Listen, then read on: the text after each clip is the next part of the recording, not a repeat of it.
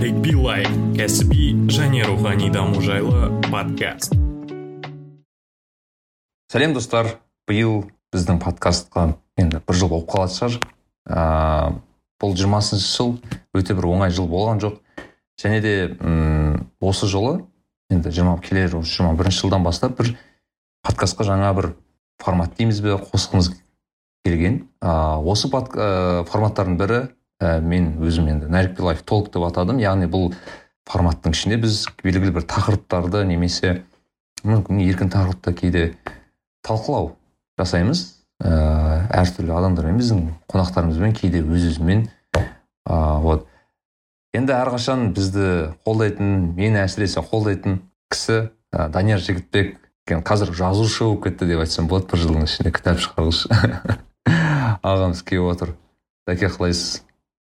Жақсы нареке ә, барша нарікби лайфтың тыңдармандарына сәлем деп айтамын бір жыл бойы ә, осы жобаны қолдап ә, келе жатсыздар. Енді құдай қаласа нәрікбе айтпақшы ә, жаңа леп жаңа форматқа көшейін деп жатыр. Бұл да бір жаңашылдық. Адам әдетте бір нәрседен жалығып кетеді ғой.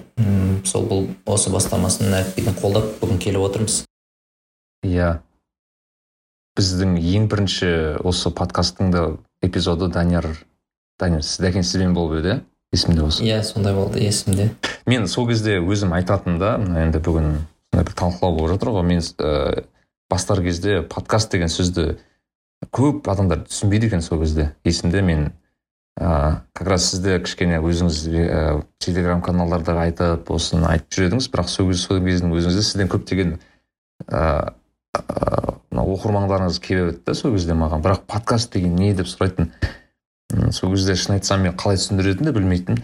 Бірақ қызық ә, осы бір жыл өтті. Жиырма қанша жиырма бір эпизод шықты осыған дейін. Адамдар үйреніп қалыпты. Иә. Қызық қызық иә. бір жылдың ішінде адамдар үйретіп тастады кейбіреудің миында мүмкін. Нәрікби деген подкаст деген сөз екеуі. Бір ұғым болып қалған да шығар. Мүмкін. Өйткені мен қызық айтам ә, бізде бір жігіт ә, енді өзіміздің подкаст осындай қауымдастықтың бір мүшесі эльдар деген ә, бір кісі бар. Ол ол жігіт получается ә, подкастқа үйрететін жігіттердің бірі. Ең бірінші рет менімен бір сөйлесіп қалды. Сол кезде мен мысалы қазақша подкаст жүргеніме өте таң қалды да. Өйткені оған дейін орысша жасап жүрген соны айтты. Неге сен қазақша жасайсың деді. Өйткені ол қызық қой ол да бір адамдардың оқырманы бар тыңдарманы бар деген секілді. Сол кезде таң қалып еді. Кейін қазақ тілді подкаст жасау ә, несін бастады да? Курсын бастады бесплатно әлі де бар деймін сол кезде мынандай сұрақ қойыпты ыыы мына форма енгізген ғой регистрацияға. Подкаст бірінші подкастты қайдан подкаст туралы қайдан білдіңіз және қандай подкаст тыңдайсыз деп жазыпты да? Ііі и сол кезде маған келіп таң қалады мен қазақша толтырған адамдардың жартысынан көп сенен жазды дейді. Деп маған айтады да яғни нарик лайфты бірінші рет тыңдаған и және жалғыз тыңдайтын кейбір адамдардың подкасты осы екен деп айтты да маған. Сол кезде маған келіп таң қалады да мәссаған сондай енді нәреке мен айтайын сен бір үлкен іс жасадың деп айта аламын. Былайша айтқанда бір қазақ тілді қауымдастықта бір кішігірім төңкеріс жасадың десем де болады. Шыны керек мен де еститінмін бір подкастта жасайды деп басқалар бірақ ә, бұндай нәтиже көрсеткен подкаст есімде жоқ. Енді бұл біздің бүгінгі подкастымыз енді не ғой? Ә, еркін тақырып қой. Сол енді көбінесе сен басқалардан сұрақ сұрайсың. Басқалардың қыр, жаңа қырларын ашасың. Енді менің бір ішкі бір тілегім болды. Сен осы подкастқа шақырғанда ә, енді жұрт осы нәрікбиді де танысын мүмкін сенің де бір ә, жұртқа беймәлім қырларың ашылсын деген бір ниетім болды. Сол үшін мен саған бір сұрақ қойғым келіп тұр. Жалпы осы подкаст идеясы қашан туды? Және осы подкасттың жүзеге асуына яғни идея туғаннан кейін қанша уақыт кетті? Жалпы арасындағы гэп дейді ғой несі қанша болды? Соны бір өзің айтып кетсең. Ақыры подкасттан бастадық қой мен. Иә. Подкаст дегенде былай айтайын мен негізі бұған дейін бірнеше жыл бұрын өзім бір расы керек бір ә, контент жасағым келетін да бірақ қандай контент жасарымды өзім білмейтінмін. Есімде бір кездерде а, птушкинді көріп алыппын ба білмеймін сондай сияқты. Бір кейси найстед деген бір кісі бар ютубта өзі знаменитый ютуб блогер. Соны қатты көретін өте ұнайтын да видеолар. И ойлайтынмын мен видеомейкер болуым керек деп ше. Даже андай не сатып алғым келген бір кеш бір кішігірім ремарка жасап жіберейік. Мына жерде мысалы біз енді қазақпыз ғой қазақи бір ыыы білмеймін. Біздің мысалы қазір сөйлескеніміз жай болу жай болуы мүмкін да. Мысалы жылдамдығы мысалы сен айтып жатрсың ғой бағана орыстарды ағылшындарды тыңдадым деп. Оларда байқасаң сөйлеу жылдамдығы жоғарырақ сияқты иә. Бір энергетикасы Иә, да жоғары. Ыыы біз екеуміз түсірдік қой. Енді мен менен кейінгі біраз эпизод эпизодты мен әлі тыңдап үлгермедім бірақ та сол подкасттарда мынандай бір байқалды ма? Бір жыл, сөйлеу жылдамдығы жоғары бір қазақ тілінде болды ма сондай подкасттарың? Өйткені сұрап жатқан себебім мысалы менің подкастымды тыңдаған адамдар айтады анау x екімен тыңдадым дейді да. Енді мен өзім Иә. сондай сөйлеу шеб- ііі ерекшелігім сол ғой асықпай сөйлеймін деген сияқты. Қазір мысалы біз бір локомотив сияқты болып жатырмыз ыыы анау орнынан қозғалады ғой бір жай жай сөйлесіп келе жатырмыз да. Мүмкін қазір әңгіме қызған кезде тез сөйлейтін шығармыз. Бірақ бар сондай иә ыыы адамға байланысты негізі кей кезде. Менде рас керек бір ә, кейбір эпизодтар бар. Ол кезде менің анау қонағым осылай енді подкасттың қонағы енді өте баяу сөйлейтін кездер болды да. Мен даже осылай монтаж жасаған кезде анау арасына гэптарды бүйтіп қыстым да өзім бір кесіп ма барынша қысуға тырыстым. Өйткені расы керек жай сөйледі адам. Бірақ қазақ Бірақ- тілінде жыл- с- біз жай сөйлейміз. Мысалы пакитамен болды ғой ол байқалады да бір энергетика болды бір жылдамдық бар. Бірақ та қазақ тілді спикерлерде бір жай сөйлеу бар сияқты білмеймін енді. Бір ерекшелігіміз бе екен соны байқадым мен. Мүмкін жақсы да жаман да емес негізі менің ойымша. Кейде ә, мәселе андай ғой ә, информация қабылдауда енді ақпаратты қалай қабылдайды кейбір адам жай қабылдайды кейбір адам тез қабылдайды соған да байланысты. Мен ә, мысалы телеграмда да сондай мысалы кейбір аудиосообщенияларды x екімен тыңдаймын да. Себебі енді тезірек қабылдауға да мүмкіндік бар. Мхм. Енді бағана әңгімеге оралсақ басындағы иә мен соны айтқым келгені неде ыыы әртүрлі осылай контент жасайтын қараймын сөйтіп бір кездер болды мен камера алғым келді камера алып түсіргім келді. Уже қараймын монтаж қалай жасайды сөйтіп ойландым мен не түсіремін деп ше. Мхм. Сөйтсем қай жылдары қай уақыт? Шамамен. бір үш төрт жыл бұрын шығар. Сол кездер жүрдім есімде офиста отырып даже камералар іздей бастадым сол бірақ ой жоқ та не түсіретінін өзім түсінбеймін бірақ түсіргім келеді. Камераны не істеймін былай да түсіруге болады деген секілді. Ақыры алмадым камера қызық өйткені не түсіретінін өзім білмеймін. Ыыы бұл жердегі мәселе мен өзімнің кім екенімді даже білмедім сол кезде. Мен не үшін жасап жүргенімді білмедім бірақ бір нәрсе істегім келді. Сондықтан басталмады. Кейін ыыы әртүрлі заттар ой кетті. Бірақ ыыы расы керек ә, мен енді уже м, ә, көштім ғой осы голландия мемлекетіне. Сол кезде көшіп уже орналасып жарты жылдай өтті. Жарты жылдан асып кетті. Жүрдім бірақ все таки уже бағанағы ой мазалайды бір нәрсе жасағым келеді. И сол кезде мен есімде просто инженермін ғой қанша дегенмен қазақ тілді қазақ тілді жасағым келді Ііі, и қазақ тілді қандай контент жетіспейтінін қарадым да бізде енді расы керек өте көп контент жетіспейді бізде. Бірақ ең вообще жоқ материал подкаст екенін көрдім да өйткені мен ол кезде бір үш ақ па үш ақ па адамды көрдім қазақ тілінде жасайтын бірақ тек қазақ тілінде жасайтын өте аз болып шықты да арасында ғана қазақ тілінде жасайтын мысалы find be деген фан подкаст болды өзім тыңдаған. Бірақ оның өзі маған шын айтқанда расымен ұнамады. Өйткені формат ұнамады. Олардың жасайтын. Өйткені көбінесе расы керек білмеймін өзімнің өзіме жақпады и ойладым мүмкін подкаст жасау керек шығар. И есімде мен телеграм каналыма сол кезде уже енді кішігірім каналым бар еді ол кезде жазған менде идея бар осындай жасағым келеді. Не деген қателеспесем он тоғызыншы жылдың соңы ғой деймін. Он тоғызыншы жылдың соңы. Голландияда екінші жартысында бардым. Содан кейін сол он тоғызыншы жыл он тоғызыншы жыл иә. ғой. Иә иә сол кезде есімде офиста тұрып суретке түскенмін сол кезде даже бүйтіп селфи жасадым да. Селфи жасап түстім мен осылай ойлап отырдым. Ең қызығы мен қазіргі даже подкасттың лого бар ғой логосы. Сол сол жерде отқандағы суретім негізі. Мен тура сол көк костюммен ана очкимен отқанмын сол кезде. Ә, офиста отқан емес кейін сол аватар жасай сал- жасай салдым содан. Негізі сол еді. Ыыы кейін ыыы расы керек зерттедім қалай жасау керек. Екенін сөйтсем еш қиындығы жоқ.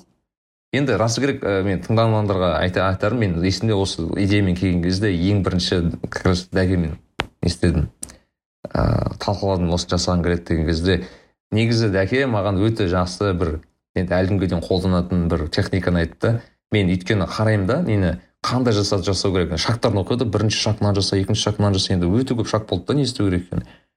Сол кезде дәке айтқан ыыы келесі шагты ғана ойлан деді да.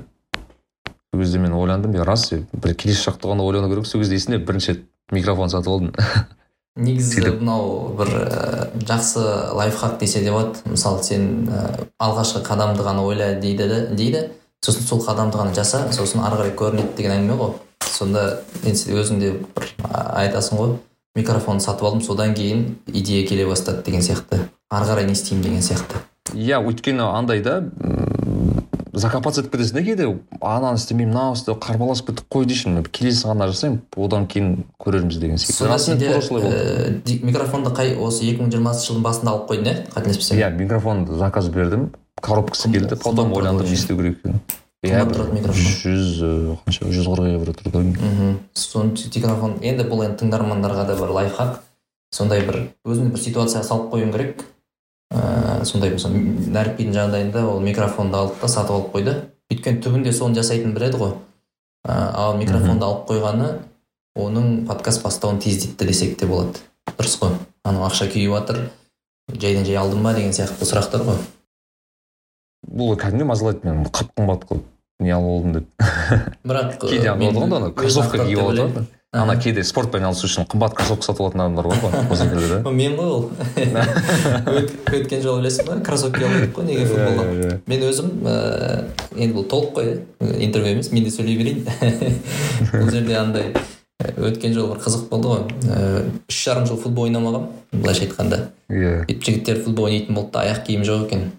Сөйтіп барып адидастың дисконтынан бір енді жақсы бағаға алдық. Ыыы енді былай қарасаң бір бір ойын үшін ғана алдым ба деп ойланып қаласың ғой. Одан кейін футбол бар ма деп іздеп тұрасың. Сол сияқты одан, одан кейін енді футбол іздеп тұрамын. Футбол жақсы жалпы жақсы нәрсе ғой жақсы ойын ғой енді. Ә, кішкене. Сол сияқты тауға бару керек еді деп жүргем.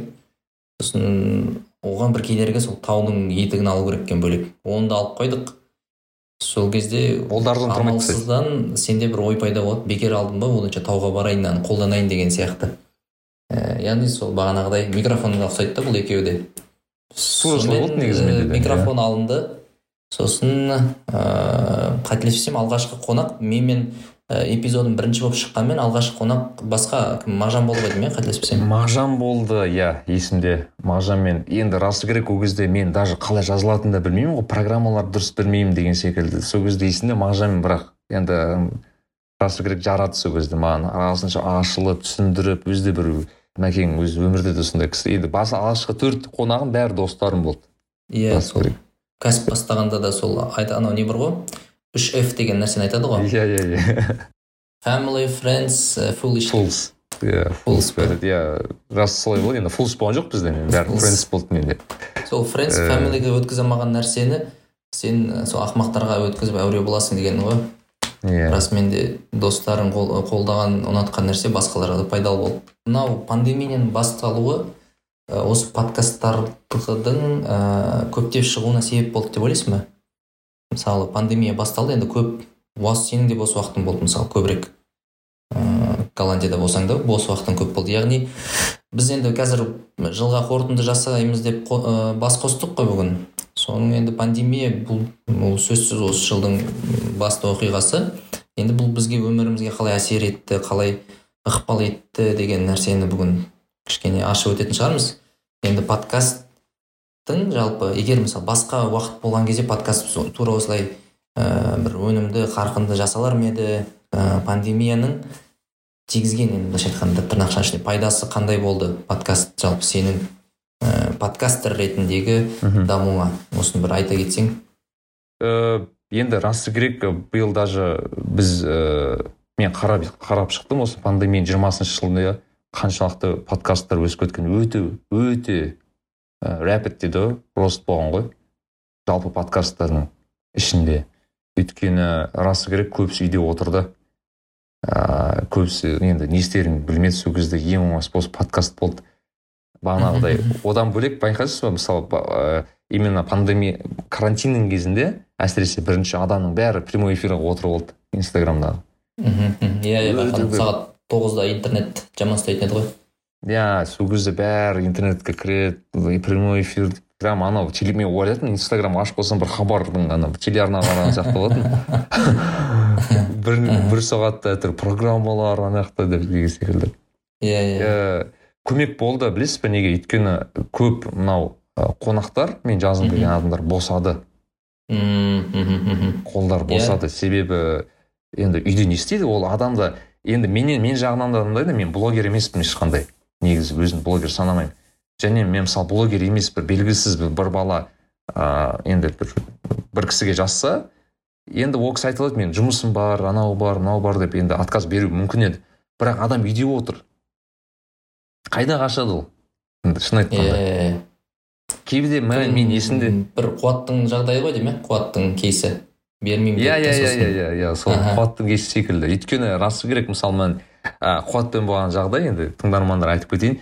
Қуат маған қуатқа айтқан болатын мен қуат подкаст жазайық болатов, та ә, саяхатшы. Иә. Ә, айтқан болатын қуат маған енді досым қуат айтады маған ұнамайды дейді маған енді ол ондай жасағым келмейді деген секілді. Айттым ладно не жоқ ә, реніш жоқ ладно дей салғанмын жақсы деп. Ә, біраз уақыт өтеді сосын қуаттың өзі звондайды маған. Сен подкаст жазғың келіп жүреді ғой дейді. Давай давай жазайық дейді. Я говорю не болды десем мен отыра алмаймын дейді үйде. Настолько енді қиналып кеткен ғой үйде отыру өте қиын болды деп сөйтіп мен енді шықты ғой. Ә, өте сол жағынан расы керек көмек болды. Ә, мен өзіме де дайындыққа адамдарға дейді ашылық сол кезде өзім таң қалатын ә, ол кезде мен енді осы жылы енді айтып кетейін мен амстердамда өте кішкентай квартирада тұрдым сол кезде. Өйткені мен енді ә, жұмыста жұмыстан бөлек үйде тек тамақ істейтін кешке қарай и ұйықтайтын басқа ештеңе істемейтін сондықтан бір қымбат емес бір бір кішігірім квартира алсам. И пандемия басталды да анау төрт қабырғамды отырып қалғаннан кейін квартирам кіп кішкентай болып қалды. Сол кезде ойландым таң қалатын енді бірінші подкасттар шықты енді алғашқысы қаншасы шықты да сол солай сол квартирада отырып. И мен таң қалатын мен бір бала әлемнің мына шетінде отырып кіп кішкентай квартирада бір ғана компьютермен микрофонмен бір контент жасап отыр деп ойыма ну как бы ойланып қарасам біртүрлі болатын да енді адамдар мені тыңдап отыр. Есімде еще ең маған жүрегіме жағатыны а, біздегі анау ауылдағы балалар жазатын көп немесе мынау анау ә, біздегі бағанағы ірі төрт қала емес мына астана алматы шымкент деген секілді қалалардан емес. Мысалы более ііі кішігірім қалалардан жазатын балалар болды да енді кішігірім Жезқаз- жезқазғаннан жазды ма? Жезқазғаннан ана бір неде бар еді ғой? Ііі жезқазған туралы приколдар бар еді ғой? А анау Стендапта. стендаптағы сияқты ма иә иә. Жезқазғаннан бері- бірақ есіне мен бір кісі ма жазып қойған мынандай бір комментарий қалдырып кетіп еді. Мен қора тазалап жатып подкаст тыңдадым өте керемет екен деген сияқты осындай комментарий болғаннан мен шын айтқанда өзім өте ұнады да өйткені егер ауылдағы бала подкаст тыңдаса қора тыңдағанда иә ол керемет деді енді ол бар ғой керемет әрине уақытын өте пайдалы өткізіп жатыр деген сөз. Иә бұл енді рас керек тәке ыыы менде де қонақтандағанда өте солай ойланатын адам не бере алады. Ә, қандай маған да енді әрине бар ғой. Ә, осы басталған кезде өте көп мен оқырмандарым тыңдармандарым жазатын. Осы кісімен жасаңызшы подкаст мына кісімен жаса әртүрлі ұсыныстар айтатын да. Мен әрқайсысын қараймын бірақ айтатын бұл кісі сіздерге не бере алады деген секілді сұрақ қоятын да. Расы керек. Өйткені не тың, не тыңдай алмай жүрсіз өйткені бізде байқайсыз ба көбінесе ыыы танымал адаммен жасағысы келеді ғой адамдар подкаст мен айтамын ол кісі и так танымал не, не бере алады деген не береді сізге ол дедім да мысалы ол артық айтқаннан керісінше сіз тыңдамай жүрген адамды тыңдамайсыз ба дедім андай дұрыс баға берілмей жүрген адамды тыңдаған дұрыс шығар мүмкін деген секілді сондай болды и өзім расы керек осы карантин сол жағынан қатты көмек берді. Нарик билай. Керемет нұреке сосын ә, сен осы пандемияны пайдаланып мысалы сен біраз кітаптар сатып алдың біраз ақылы курстарға енді бәрін ә, бір біраз ақылы ақштың курстарына жазылдың иә? Ә, сен ол курстарды мысалы енді ол пандемияда дұрыс қой енді жеке даму керек өзіңе инвестиция салу керек. Бірақ та подкасттың ә, былайша айтқанда аясында осы алға, оқыған кітаптарың және курстарың қаншалықты пайдалы болды және сен осы алған білімдерді мысалы сұрақ қоюда немесе мысалы білмеймін бір ә, коммуникациялық тәсілдер болды ма бір ерекше не берді саған осы ізденістерің? Осы карантиндегі курстарға қателеспесем бұрын мен сені естімейтінмін өйтіп осындай да курстар сатып алдым дегенді ше? Бірақ осы неде жиі жиі еститін болдым сол үшін.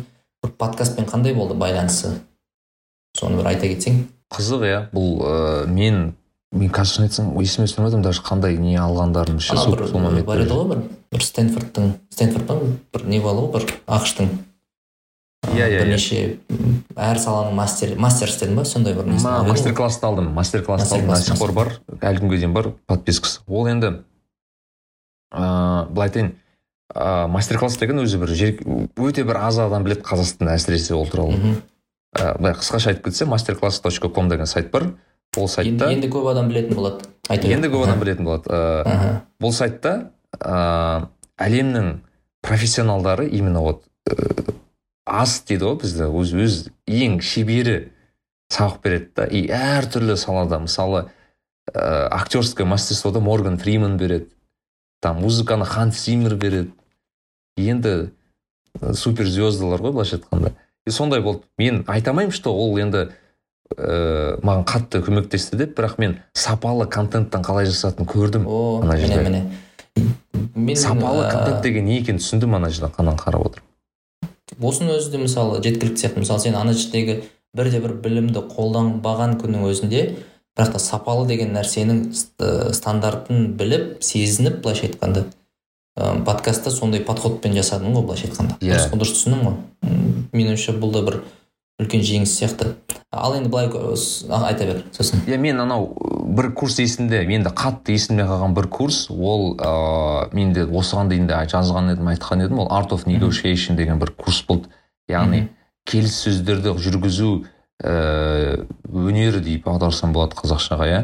Анау и сабақ беретін кісі ол ыыы хостаж negotiator дейді ғой яғни анау ііі біреуді захват болады ғой бір объектті мысалы банкті біреу захват етеді и ана ішіндегі заложниктер шығару керек сол заложникпен анау переговорщик. иә былайша айтқанда. Сол кісінің курсы да енді біртүрлі ол кәдімгі fbi да ана бағана фбр да жұмыс істейтін кісінің курсы болды да. И ана сол кезде психологияға тұнып тұрған адамдармен қалай сөйлесу керек қандай тонмен сөйлесу керек қалай бұны не істеу керек деген секілді енді сен қолдандың ба ол тәсілдерді бір бір өзіңнің кейіпкерлеріңді ашуда мүмкін иә мен нағыз айта алмаймын қолдандым қолдандым қолданбадым деп бірақ өте көп зат алдым ана сөйлескен кезде бірақ кейде мен рас керек подкасттарымда ә, адамды ашу деген өте бір қиын задача бар да менде өйткені расы керек көп мысалы әсіресе инженерлер мхм, өте тұйық адамдар, андай бір интроверттер. тұйық адамдар оларды ашу үшін ә, кішкене болсын сен ә, бүйтіп бізде бір андай мәселе бар. Мысалы бізде журналистердің мен расы керек журналистердің сұхбаттарын онша ұнатпаймын. Ә, әсіресе қазақ тілді. Неге? Өйткені бізде байқасаңыз мысалы адамнан ә, сұхбат алып жатады да и мысалы сұрақтар көп қой. И бірақ сұрақтың ішіндегі ең бір қиын бір ерекше қиыны күрделі бір сұрақ бар да. Ең ол ең андай бір қызығы ішіндегісі и олар айтады да бірінші сұрақ қойып соны қояды адамға. Бірденен ол негізі ана сұрақты қойғаннан кейін ана адам бір, түрі өзгеріп кетеді негізі сразу. Өйткені енді біртүрлі болып қалады адам расымен айтқанда. Ал бұлар ондай жанды жерін табу ғой. Жанды жерін табу бірақ бұлар жанды жерін бірден табуға болмайды да адамды. Сол проблема. Және де ә, ал негізі мысалы шетелдіктердің батыстықтардың алатын интервью қандай? Олар даже бар ғой. Дәке мысалы жұмысқа интервью алады ғой. Олар өте оңай сұрақтардан бастайды. «Же қалың қалай мысалы? Не істеп келдің не жедің не істедің деген секілді. Сондай сұрақтар адамды бүйтіп былайша айтқанда постепенно дайындайды адамды. Дайындап дайындайды қыздырады бір сұрақ қояды екі сұрақ қояды. И байқайды. Ол таза интуициямен байқалатын зат та. И бір кезде дайын болды ау деген кезде ғана ол сұрақты қояды адамға. Ол адам уже ол кезде кішкене ашық болады мен сөйтуге тырыстым расы керек. Мен бір ііі бір затты түсіндім подкаст жасаған кезде ә, мен өзім осы бір жыл бойы м қаншалықты дайындық ә, әсер етеді жасаған дайындық деген ол анау адамның ә, сұхбаттарын тыңдау ол адамды зерттеу ол адамның саласы туралы ым, біраз мағлұмат алу сол ғой айтып жатқан иә дайындық иә ресерч ресерч дейді ғой ағылшынша. Жасау яғни мен ә, кейбір адамдарды зерттеу үшін расы керек ә, кемі бір екі үш апта кететін кейбір адамдарға. Сен бір айта аласың ба? Сен үшін ең қызық ресерч қандай болды осы жылы? Ә, бір Э, иә мен айта аламын. Мен әши- ә- ә- әдетте былай болатын. Мен бір адамның адам атын енгізсем оны гуглға енгіземін да и бүкіл статьяларын оқып шығатынмын сол кісі туралы жазылған. Бірақ мен бір қызық болды. Менің бір танысым ә, маған камила ролан деген бір қыз туралы айтты да. Осындай қыз бар қарап көр деді. Мен қызық болды мен жаздым гуглға ол кісіні. Сөйтсем ол ыыы немен айналысады екен? Ыыы инклюзивный образование деген затпен айналысады екен. А мен инклюзивный образование не екенін білмеймін. Түсінесіз ба и мен ыыы камила ролан туралы іздеудің орнына инклюзивный образование туралы қарап оқып кеттім ар жерде отырып. Мхм. Сөйтіп мен ыыы камилаға дайындалар алдын үш апта. бір аптасын не инклюзивный образование не екенін түсіндім. Ол екі аптасын камиланы өзім зерттедім ол неге не жұмыс жасаған. И жазу барысында а, камила оған дейін берген екен подкаст. Сөйтіп маған бірінші сұрағы камиланың ол да енді расы керек профессионал екен. Сразу сұрады сен не туралы сөйлескің келеді? деді маған. Өйткені мен бұған дейін подкаст жаздым сен соншалықты не айта не, не сұрақ қоя аласың мен сұрақ беріп жауап бере алмаған дедім да мен айттым мен сіздің бүкіл неңізді зерттеп шықтым дедім. Ыыы жасаған дүниелеріңізді басқа заттарыңызды. Мен как раз таки сіздің айналыспаған сұрақ қойылмаған заттарды зерттегім келді ә, сұрақ қойғым келеді дедім. И сізден де сондайды айтқым келеді деген секілді. Айттым енді сіз айт- айтылмаған бір историяңызды айтыңызшы деген секілді. Мхм. Және де сол подкаст бір ерекше болды менің үшін. Өйткені расы керек ол кісі мына не ожидал дейді ғой енді ол оны басқаша болады деп ойлады подкастты. Иә, соңында маған өзі келіп айтты да камиланың өзі яғни мен осындай болады деп ойламадым дейді өйткені сіз соншалықты ананы зерттеді деп ше и өзіме де бір негізі ерекше бір не болды. ыыы былай интервьюда енді бізде беріп жүрміз ғой сұхбат мен мысалы былай санап қарасам биыл оннан көп тікелей эфирге шығыппын да осындай сұхбат форматында.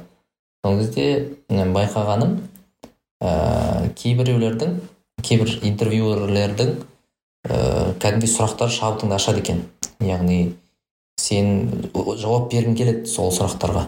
А кейбір интервьюерлер болады оның сұрағына жауап бергің келмейді. Ііі тіпті өзіңе қызық емес оған жауап бер былайша айтқанда өз өзіңе қызық емес та соны байқадым. Сол үшін ы бұл да бір өнер деп ойлаймын. Ы адамдың жалпы сан түрлі қырын ашу дұрыс сұрақ қою да бір өнер ғой негізі. Иә. Мен дәке бар ғой мен кезде екінші тақырып қой. Мен қазір соңғы бір көрген ә, мен нетфликсті қараймын ә, қол босаған кезде. Ә, и соңғы көрген бір сериалын сол жақта көрген майнд хантер деп аталады. Майнд хантер деген қызық. Бұл ана ә, серийный убийцалар болады ғой. Ә, сексенінші жылдары енді серийный убийца деген ең бірінші сол америкада пайда болады екен да сондай термин именно. И жетпісінші сексенінші жылдар туралы да и сол сериалда сол ең бірінші шыққан түрмеге отырған ана серийный убийцалар бар ғой солармен сұхбат жүргізеді ғой адамдар енді мәселе бір мәселе сіз ә, ақш тың президентімен ә, сұхбат аласыз бір мәселе сіз блогермен сұхбат аласыз а бір басқа мәселе сіз түрмеде отырған 20 адамды өлтірген адаммен сұхбат алу да ана жерде. Яғни ол мотиві қандай алиби қандай неге оны жасады қандай неден ләззат алды? Өйткені олар сол зерттеу арқылы анау портретін составить етеді екен да примерно опасный адамдар деген. Мхм. Ә, психотипін зерттейді. И сол кезде мен көрдім да адамдар сол кезде қаншалықты қиын да аналар кісілерге. Э, сериалда көрсетеді көрсетті ана э, э, бағанағы фбрдың адамдары фбрдың адамдары қаншалықты қиналады адамдар дайындалу өйткені ә, бір деланы зерттеу үшін олар анау неше түрлі енді өлім ғой ана жерде енді суреттерін көреді мынандай көреді мхм енді шынымен дайындықты көресің нағыз интервью деген осындай болады екен ғой деген секілді сол кезде көріп мен өзім ерекше ләззат алдым енді өте рекомендация беремін в общем көруге нәреке осы сен мысалы мен мысалы шыны керек былай ыыы нетфликсті қостырғанмын кезінде бірақ та бір ондай киноға сериалға деген жоқ екенмін да бірақ қызығамын тоже көргім келеді сенде мысалы сен көп сериал қарадың ғой сенде сериал таңдау критерийлері қандай? Және сен енді ол да бір ыыы дайындықты қажет етеді ғой. Мысалы кез келген сериал қарай бермейсің ғой. Сол нетфликске келсек ә, сен нетфликсте мысалы сериал таңдау ә, критерийлерің жалпы қандай? Соны бір бөлісе кетсең қалай таңдайсың неге не сүйенесің деген сияқты. Әлде рекомендация рекомендациямен қараймын басында. Енді әрине енді бастағанда рекомендациялар беремін мысалы breaking bad деген керемет ә, енді көрмесеңіз де көріңіз. Ә, breaking bad деген бір ә, енді тыңдарман көп көргенше өзі бест бестселлер дей ме енді қандай ана прям вот ә, сериал жасаудың үлгісін жүз көрсеткен бір сериал бар да. Во все тяжкие деп орысша аударған. Бірақ ағылшынша көрген дұрыс. Ә, мысалы мен соны көргеннен кейін ә, мысалы да дәке қалай ә, сериалдың жақсы жаман қалай білуге болады? Менің ойымша. жақсы. Айтшы қалай? Менің ойымша кез келген дүние мысалы не, не только сериалға байланысты мхм ә, вообще осындай фильм немесе осындай бейнематериал ол ана іштегі персонаждың қалай өзгертетінін көрсетеді да. И сонымен бірге сен де өзгересің да ана жерде Басында сен иә. критерийді тек қана кино емес сен ойыңды жалғастырып көр сосын мен өз ойымды айтамын. Иә бұл жерде мәселе андай да мысалы мен breaking badқа байланысты айтқым келген ғой. Кішкене спойлер болады енді спойлер емес кішкене түсіндіру ол бәріне маған мәлім история ол бір химик кісі туралы негізі. Мұғалім химиядан береді. И өте бір қиын жағдайға түседі да и басында сен ол кісіні көрген кезде бір симпатия пайда болды ол кісіге. Негізі блин жалко да ана кісіні көресің. Ойлайсың блин ол енді сондай бір тығырыққа тірелді блин бұған бір көмек керек шығар. Басында ақтайсың оны. Кейін ол кісі өзгеріп өзгеріп өзгеріп соңында монстр болып кетеді да айтасың иә мынау мынау монстр ғой дейсің соңына қарай уже өзің жек көре бастайсың адам бір эмоция да кәдімгідей ана жерде ана кісі соңына әсіресе ә, ол мысалы ол сериалдың ерекшелігі ә, әдетте негізі сериалдар былай жасалады. Бірінші сезон керемет шығады. Вот прям керемет бәрі көреді. Екіншісі чуть чуть онша емес шығады. Ә, там одан келесі одан жаман шығады деген кете береді да соңғысы вообще адам көргісі келмей кетеді. Вот breaking bad керісінше түсірілген да. Біріншісі өте монотонно түскен екіншісі кішкене одан қатты түскен. Соңғы сезоны есімде болса бес па алты сезон түскен или ұмытып қалдым қанша сезон екен вот соңғысы настолько қатты напряжение уже ана фильмнің соңына уже бір мен бір күнде бітіріп тастадым соны есімде болса ананы көріп. Өйткені шыдамайсың ананы көріп. И ә, соны сода түсіндім и соны көргеннен кейін мен түсіндім. Настоящий вот вообще дүниенің ә, бағана сіз айттыңыз ғой киноға да байланысты емес ә, тек, тек кино вообще контентке байланысты мәселе. Контент мхм. Иә жалпы контентке байланысты мәселе. Ол сен бір персонаждың өзгергенін көресің. И неге өзгергенін көресің? Және оған байланысты сенде бір эмоция пайда болады. Мхм. Ең қатты зат ол да ол жек көрініш болуы мүмкін ол наоборот жақсы көріп қалуы мүмкін сен ол кісіні. И білмеймін бір бір эмоционалды бір байланыс болып қалды араларында ана кісімен негізі Мен- бір сенің гипотезаң десек те болады ғой. Ыыы, яғни кез келген контенттің қызықты тартымды болуы ол ә, ол жерде кейіпкердің өзгергенін көрсетіп адамға эмоция сыйлай білу ғой былайша айтқанда. Иә иә иә иә. мен осыны қазір сен айтып отқан кезде ә, әдебиетке проекциялап көрдім да мысалы кім Аха. джек лондонның мартин идені бар ғой. Иә иә иә. Ол да мысалы бір не балықшы болады басында. Ыыы бір сауатсыз болады сөйтіп ақыр аяғында не болып шығады ғой бір? Түбегейлі өзгеріп шығады ғой. Ол да мысалы қызық қой классикаға айналды. Мына бір өте өте жақсы фишка болды өйткені менде мысалы осы жылы менде бір мынандай идея пайда болды ғой ә, бизнес қазақ тілінде бизнес роман жазу деген. Иә иә есімде сол үшін ә, сценарий деген өнерді меңгеру керек. Ә, жалпы бизнесмендердің мүмкін өмірбаяндарымен танысу керек бизнесмендермен көбірек араласу керек прототиптер жинау үшін. Сонда мынау бір жақсы тұздық болды да маған қазір. Ә, яғни кейіпкердің өзгеруін көрсету деген. Өте жақсы. Не болды? Фишка иә. Осындай мен енді ә, сериалды көп көремін деп айта алмаймын бірақ осындай бір бестселлерларды хотя бы енді бір екеуін болсын көріп шығу керек деген ойдамын негізі. Ә, жалпы нарикбидің ә, каналының тұр- оқырмандары болса ә, жалпы подкасттарын тыңдайтын болса жалпы нарикбиді бақылап жүрген адамдар болса мен нарикбидің бір мынандай бір қасиетін байқадым. Нарикбиден ол мысалы ә, не оқыса да мысалы кішкентай мақала оқуы мүмкін кішкентай бірақ кино көруі мүмкін бірақ кітап оқуы мүмкін бірақ одан максимум сығып алады да. Сонда бір андай бір не қалып тастады ой қалып тастады. Бұл деген көп сериал қарайды көп кітап оқиды дегендей. Бірақ та ә, бұл да бір сондай бір қасиеті бар нарикбидің екеуміз кезінде кітап оқу чатында болдық қой. Кітап иә оқу деген чатын жасадық. Сол жерде бір есіңде ма бір ііі кітаптарымызды оқып не түйгенімізді жазатын едік қой сол чатта. Ревью ма рецензия ревью. сол кезде сосын ана жігіттермен кездесіп білесің ба бір ыыы блокчейн кітап бар ғой блокчейн. Иә, иә, иә, иә. кітабын оқып соны айтып беріп едің ғой сен. Аха аха. Сол кезде мен алғаш байқағанмын осы нәрікбидің қасиетін сондай. Ана прям губка сияқты сығып тастайды да бәрін ішіндегі нәрсені. Өте жақсы қасиет. Ыыы бұл бұл қасиет қалай дамыды деп ойлайсың сенде?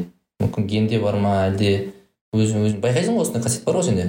Менде бар. Мен менде андай ыыы мен кішкене бір ә, сырт одан бөлек бір әңгіме айтқым келеді да осыған неге осыны екенін айтқан мен жақында жақында емес енді бір екі жыл бұрын галуп деген бір тест тапсырғанмын ол енді керемет дүние енді осыған қазір осы осы бір бөлек сөйлескім келіп жатыр. Ә, ол тест адамда бар талантты көрсетеді. Ол научно доказано енді бұл ана scientific approach ретінде бір ііі мынау ііі тест арқылы адам бойындағы таланттар ә, таңда біледі екен да.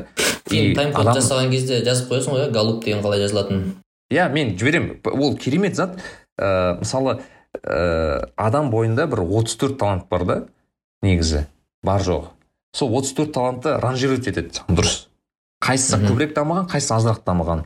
И мен мен соны тапсырдым. Менде өте бір біртүрлі результат шыққан еді өзі өзім түсінбедім.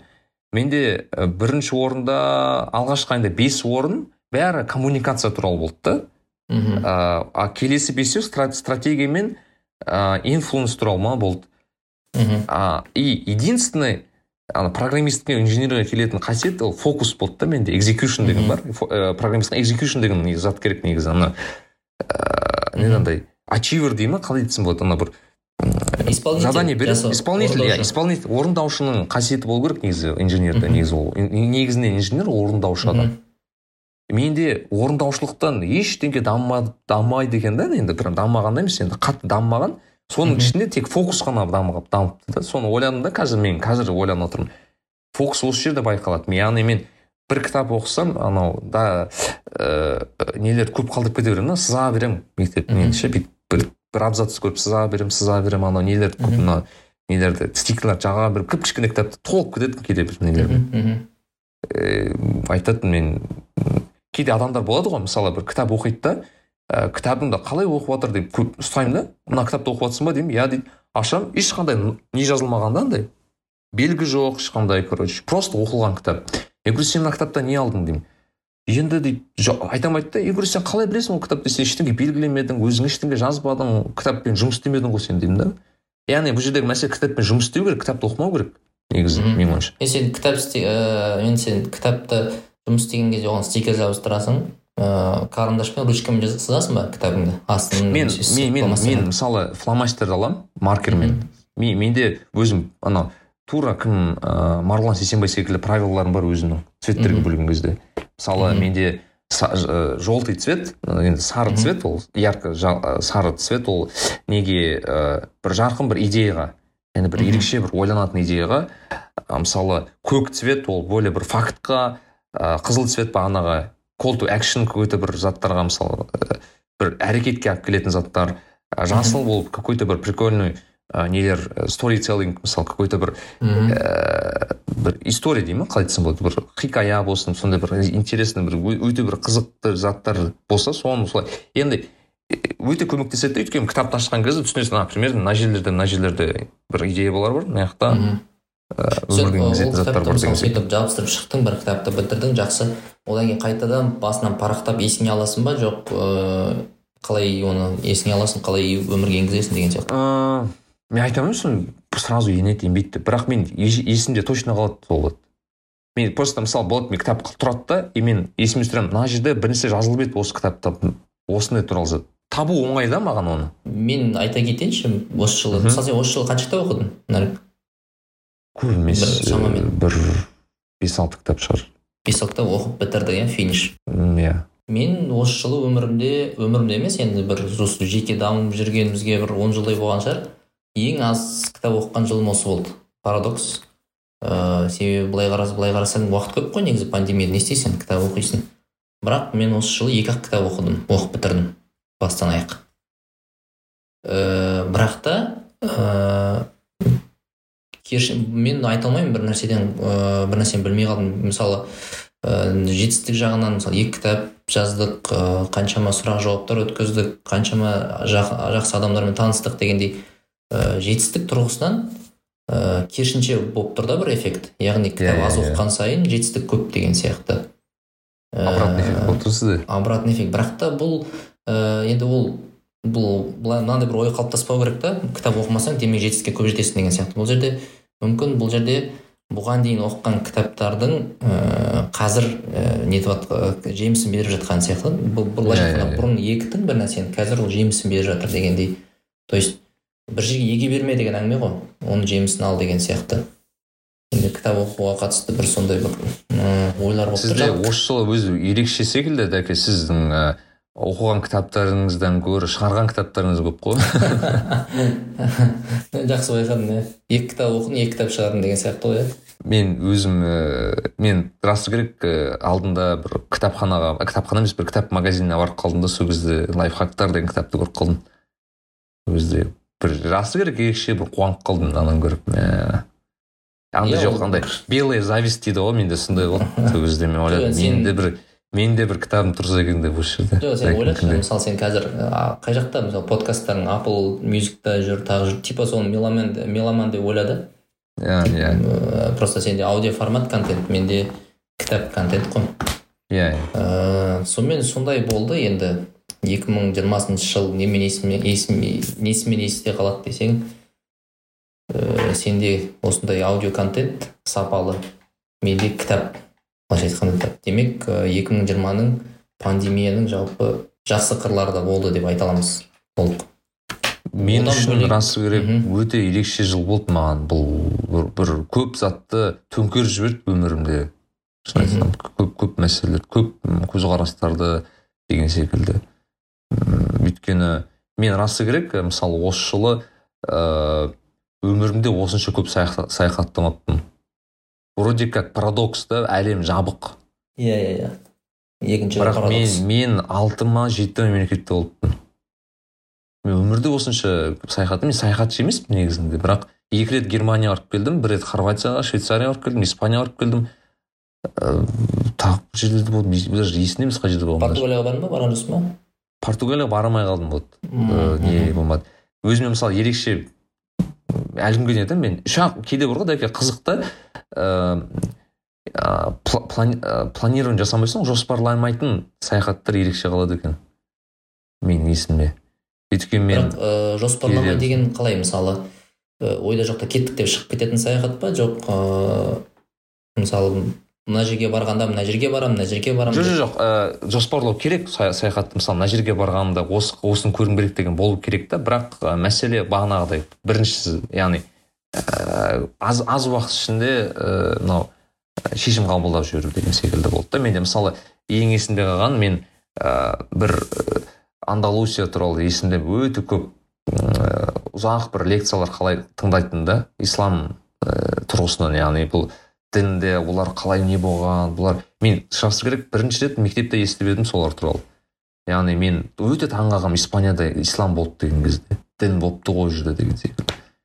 Сол кезде айтатын мә олар қалай сонда? Оларға дін келді да кетіп қалды ма? деп. Қалай сонда? деп. Мен түсінбейтінмін расы керек ол европа ғой ол деп.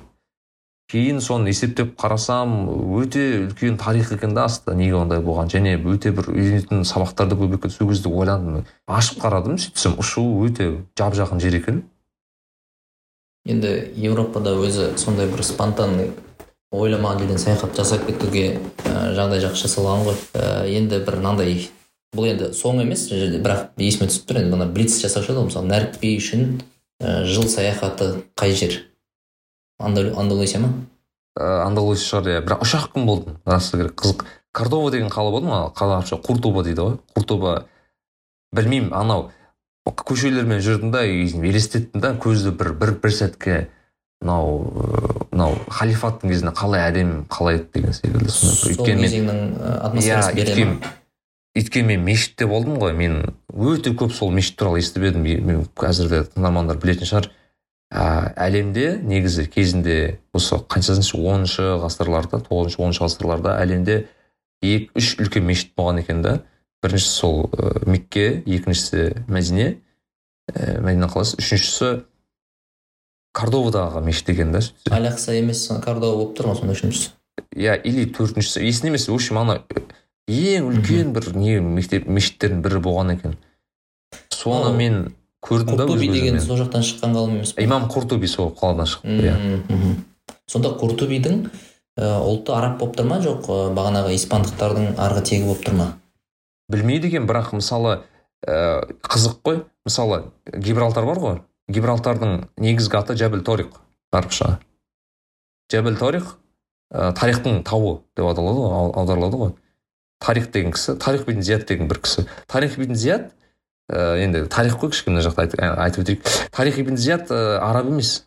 Ал бербер деген халық болған. Бербер деп күнге дейін бар олар. Ә, ол мынау солтүстік африканың бір елі екен да.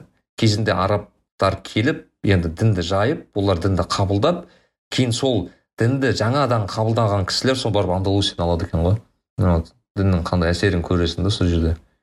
Ал көптеген ғалымдар шыққан сондай бір ерекше жер болған. Енді әр бірақ ішің расы керек ана өйткені ана мешітке барасың мешіттің жартысы әлі шіркеу жартысы мешіт болып тұр да жарты музей болып кеткен енді ана жер қазір. Ә, жалпы бірақ- испан халқы саған діндар болып көрінді ма? Әлде байқалмады ма? мен білмеймін. Өйткені Ешкімде- ешкімде байқалмады ма? ешкімде байқауым қиын шығар. Бірақ ә, точно енді мысалы стамбулдікіндей емес. Рас керек атмосфера ол жерде. Все таки бұл европеизированный либералды көзқарастағы мемлекет сондай деген секілді да. Мен мысалы германияда болған кезде олардың діндар екенін екі ақ күн а біз мюнхенде болдық берлинде болдық. Сол кезде ә, байқағаным оларда кішкене бар да бір діндарлық элементтері. Мына мен шіркеулері мысалы қалай байқадыңыз М, жоқ халқынан емес ә, жалпы ә, жалпылай алғанда мысалы шіркеулері енді халқы бізде де бар ғой мысалы айтбайлар мен жұмабайлар деген сияқты. Жалпы өзі мысалы шіркеулердің ә, жалпы ұлттық деңгейде мысалы шіркеулері ә, шіркеудің мысалы не, не дейді ананы? Азан, азан емес несі ғой бір? Колокольчик сол колокол. тұрақты Иә, иә. түрде ойнап тұрады. Сосын мысалы мына жексенбі күні дүкендердің істемеуі деген содан қалған екен ғой негізі діни иә иә иә. Негізі діни себеп. Қой иә ол сондай нәрсе бар екен да ол жақта да. Қызық иә негізі дәке мысалы ол бізде мысалы ол ә, тоже светский мемлекет қой. Мысалы германия бірақ воскресенье олар ә, ештеңе істемейді. Мысалы мынау ә, руслан да айтады ғой чехияда мысалы крисмасты кәдімгідей тойлайды күтеді да бірақ та крисмас деген ол діни мейрам ғой негізі еуропада демек ә, сол бір дәстүрге айналып кеткен ба? Шіркеу қызық. мысалы мен голландияда өмір сүремін ғой дәке мысалы а вот қызық голландияда мен байқамадым діндарлық иә сол голландияда жоқ ол. Ол ондай мүлдем жоқ. Олар мхм. ә, мен жақында өзім есімде көшіп келдім ғой. Мен ә, голландтармен көп араласа бермеймін әлі күнге дейін. Бірақ сол кімдерге бар достарым бар ә, голландтармен енді доспен сөйлесіп жүретін. Айтамын да бұлар неге сенеді өзі деймін да бұлар? Діндар ма? Қандай өзі олар десем? Ә, маған бір досым келіп айтады да олар ешқандай емес дейді да маған. Мен говорю қалай сонда ешқандай емес деген қалай? дедім. Айтады олар ол туралы мүлдем ойланбайды деді. Сонда қалай ойланбайды? мен түсінбеймін қалай ойланбауға болады? деген секілді. Сөйтсем айтады енді қарашы дейді да мысалы мен саған бір сұрақ қоямын дейді да қазір. А сен ол сұрақ жайлы вообще өмірде ойланбағансың дейді. Сен жауап бере аласың ба дейді «Ә, жауап бере алмайсың. Тура сол секілді голландтар дейді.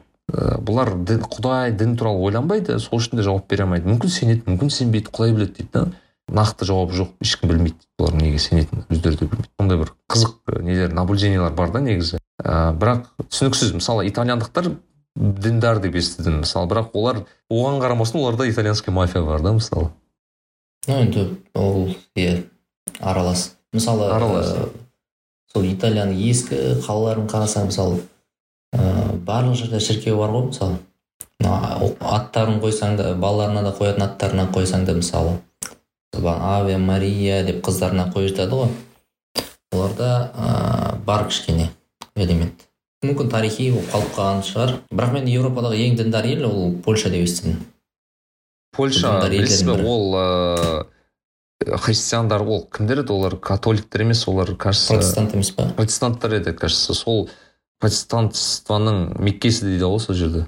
Ә, өйткені саудиясы дейді. Былайша айтқанда не именно меккесі емес саудиясы деп айтады. Саудиясы европаның саудиясы деп айтады екен польша. Неге? Өйткені ол кісі ы, ол мемлекет настолько анау мемлекеттегі анау біздегі ы, діни басқарма бар ғой. Ы, оларда да сондай местный діни басқарма бар екен да.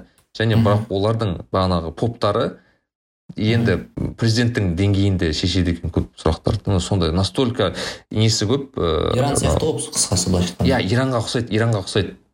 И көптеген оларда мысалы аборттар ма запрет болды ма бірнәрсе сондай Иә, бір иә, шу жақында болды иә. Неге діни деп түсіндіреді олар діни мысалы? аспект иә? Қызық сонда ойланасың ол европада да? Иә иә. бірақ дін таңғаласың. Сол анау өс, өсу деңгейі де көп дейді ғой. Ал демографиялық жағдай да Иә. жоғары дейді ғой. Нарик Билай. енді ақырындап дін тақырыбына ойыстық. Мысалы бұл жыл тағы несімен есте қалады десең ол жұма намазсыз өткен жыл десе де болады. Енді біз басында оқыдық бір екі ай екі ай оқыған шығармыз голландияда да сондай болған шығар. Иә.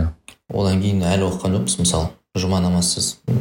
Жалпы қалай ойлайсың мысалы өзің енді мысалы діни ортада кейде жүресің діни иә. адамдармен араласасың осы жұма намаздың жалпы тіпті діни демей ақ қояйық мысалы бізде мысалы бес уақыт намазын оқымаса да жұмаға барып тұратын адамдар бар ғой. Мгм. жалпы бір атмосфера жасап тұрады жұма деген күннің өзі ше. Иә. Өйткені жұма намазы бар ол күні. Қазір осы жылы бір сен өзіңнен немесе айналаңдағы ә, сондай діни дос ә, діндегі достарыңнан бір байқадың ба бір жұманың жоқтығының ә, ықпалын әсерін мысалы? Мен өзімнен өзімнен байқадым бірінші бірінші кезекте. Неге өйткені ыыы қанша дегенмен жұманы күтесің. Басында мен керек бір бір екі бір екі апта есіңізде ме? Мысалы мен өмірімде енді осы ковидтан бұрын қазақстанда жүрген кезде жұма деген бұл ерекше күн ғой жасырын айтқанда өйткені Мгм, мгм. мен таңертең жұмысқа барған кезде түсте білесің ыыы обед ішпей ертерек шығып дәретіңді алып жұманы отырып и кейін кейде үлгерсең тамақ іштің ішпедің сондай бір ыыы бірақ жұманы уағызын тыңдап ерекше бір рухани не істеп рахаттанып қайтасың да мхм соған үйреніп үйреніп қаласың. Бірақ кейде болады мысалы мен жұмысқа байланысты ыыы жұмаға бармайтын кездерім болады бармай қалатын күндерім болды. Бірақ ол күнде жаман өзімді біртүрлі сезінетінмін айтатын мен бір өзімді бір күнәһар сезінесің да мен неге бара алмадым. Бірақ негізі өзірің бар. Ә, өйткені енді бір нәрсе үш ретке дейін деп айтады ғой бір. Иә үш ретке дейін өзің бар. Даже бір рет болсын бармай қалсаң біртүрлі сезінетінмін да өзімді блин жұмаға бармадым ғой мен деп ал осы жолы ол түгіл мүмкіндік те жоқ қой барғың келсе де бара алмайсың да мысалы. Мхм и барына бар, одан бөлек мысалы мен амстердамда енді ол не емес ыыы қалай айтсам болады ы, сонда соншалықты діндар бір атмосфера жоқ болса да мешіттер бар. Мешіттерге барып ұнатады. Бірақ бір ұнамайтын мешіттің бәрі жабық. Сырттай көресің кіре алмайсың. Сондай бір өзіңді не санадым білмеймін. Ііі ерекше жүрегім ауырғанын көріп. Бірақ сен уже кішкене болса да бір дайындықтан өттің ғой. Енді тырнақшаның ішіндегі дайындық ыыы Иә. жұмассыздыққа деген дайындықтан мысалы амстердамда бәрі де европада басқаша ғой атмосфера а, қазақстандағыдай емес. Иә мысалы мен де байқадым ыыы бәрі де мысалы жұманың аты жұма. Ыыы ол бір бір күн. Бір зарядка сияқты да кәдімгідей ше бір рухани зарядка алатын күн. Енді сол жоқтығы бәрі де білініп жатқан сияқты. Мысалы көп адамдар мүмкін пайдасыз істермен араласып кет, айналысып кеткен шығар. М жалпы жүректері қатайып кеткен шығар мүмкін ондай бір байқалады. Өзімнен де байқалады басқа араласып жүрген балалардан да байқалады да. Ыыы бұрынғыдай мысалы не жоқ та бір трепет деуші еді орысша бар ғой трепет. Мен шын айтқанда мысалы жұманың қаншалықты құндылық құнды құнды зат екенін түсіндім деп айтсам болады. Осы жолы осы жыл бойы. Өйткені бір алла тағаланың жұмаға салып қойған бір ерекшелігі ол жұмыстың ортасында болады да. Кешке емес дәл күннің ортасында и кейде болады мысалы аптаның соңы жұмысың бітпей жатады ал сен жұмада отырасың да. И сол кезде мысалы имам шығып ыыы құрандағы аяттар оқиды немесе сабырлық туралы немесе бір бағанағы дұға ету туралы ыыы, немесе тағы да басқа заттарды оқиды сен өзіңе келесің да сол кезде айтасың иә шынымен солай ғой деп. Жұма сүресінде де айтады ғой мысалы жұма оқи сала бірден жер бетіне тарап тірліктеріңе Иә, кірісіңдер деген сияқты яғни бір ыыы, бос отырма деген сияқты тірлік жасап кет деген сияқты. Сіз мысалы дәкем ыыы нені байқадыңыз ба? Мысалы мен айтқым келген анау ыыы, оразаны қалай өткіздіңіз мешітсіз ыыы тарауих намаз енді тарауих намаз болды бірақ ана жұма жұма неде жиналып оқымау деген. Жағынан атмосферасы енді біз отбасылық отбасымызбен ұстағаннан кейін оразаның бір кішігірім атмосфера бар. Аха. Бірақ та тарауықтың аты тарауық ыыы жамағатпен жиналып бір ол атмосфера болмады. Сол үшін бір оразаның да дәмін қатты сезіндім деп айта алмаймын. Ыыы сондай болып кетті. Соның үстіне карантин болды ғой үйде болдық қой. Ыыы үйде болдық. Тіпті мен бір қалжыңдап айтатын едім. Биыл ораза сағат жеті ақ сағат ораза ұстаймыз деп. Сәресіне дейін тамақ жейсің сәресінде ұйықтайсың түсте тұрасың. Түсте тұрған кезде бірде тұрасың ары қарай сегізге дейін жеті сағат. Ана түнде жеген тамағың қорытылмай сонымен ә, сондай сондай бір өтті да бір өтті де кетті. Ә, енді бір онлайн шаралар болып жатты бірақ та анау арқа жарқа болып адамдармен кездескеннің бере алмайды да эффекті жақында мен ауызашарды жаман сағындым мәссаған мен ойладым Мгм. ауызашар деген қандай бір керемет зат екен ғой деп. Сен, әлі ауызашарды көрген жоқсың иә еуропадағы болдым ә, болғанда енді прям андай официально ә, жоқ ал былтыр болып көрдім. Жоқ былтыр мен так былтыр қашан болды ораза а былтыр мамыр айында. Сен, шілдеге қарай кеттің ғой. Ә, иә мен көрмеген сияқтымын. Бірақ просто айтқым келгені менің достарым шақырды. Ә, арасында арасында бүйтіп кездесіп ә, отырдық. Бірақ енді шыны керек ә, прям мен ана жақта жүрген кезде ә, бұрында ғана отырып сөйтіп неге ә, дастархан басында бүйтіп кейде бір уағыз әңгімелер тыңдап соны саған жаман сағынғанын түсіндім сол оразада дәл былайша оразаның айтқанда мейрам дейсің ғой иә? Иә расы расы керек мейрам болсын. жақында кімнің шыңғыс мұханның бір ә, жазбасы шықты ғой тәуелсіздік күнінен кейін. Иә. Неге ә, бізде тәуелсіздік күні былай мысалы жаңа жыл сияқты немесе наурыз сияқты бір мейрам несі жоқ дейді да эффекті. Сол кезде ол айтады да енді бір қазір нақты детальдар есімде жоқ бірақ түсінгенім ә, ол мына түйс ә, біздің сезім мүшелеріміз бар ғой. Ә, көру есту дәмін сезу ә, тағы ұстап көру деген сияқты. Осы ә, сезімдерімізге әсер ету керек дейді мысалы ә, жаңа жылда ол мысалы не болады? ә, от шашу шырша деген сияқты көзбен көретін элементтер бір элементтер бар да сосын оливье салаты мысалы дәм тату деген сияқты. Мандарин бар ә, тағы құлақпен еститін мысалы президенттің құттықтауын естисің. Сондай сондай бір бес түрлі нені айтты да осы ә, бес түрлі сезім мүшелерімізге әсер етсе ол мейрам ол бізге мейрам болып келеді дейді да. Мысалы бағана ораза жұма болсын. Оларда сондай бір элементтер бар да негізі мысалы.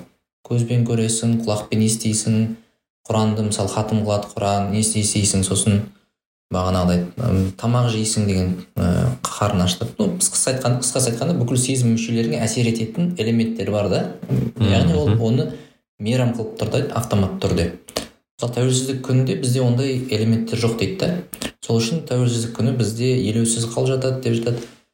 Ыыы сол сияқты. Мысалы осы жылғы оразада болсын қазір жұмасыз күндеріміз болып жатыр жұма намазсыз ыыы то сол бір элементтерді жоғалтып алып отырмыз ғой былайша айтқанда. Біздің сезім мүшелерімізге әсер ететін. Сол үшін біз сезіне алмай жүрміз да бір мейрам ыыы қуаныш несін сезімін керек иә кішігірім- оны келісемін өйткені.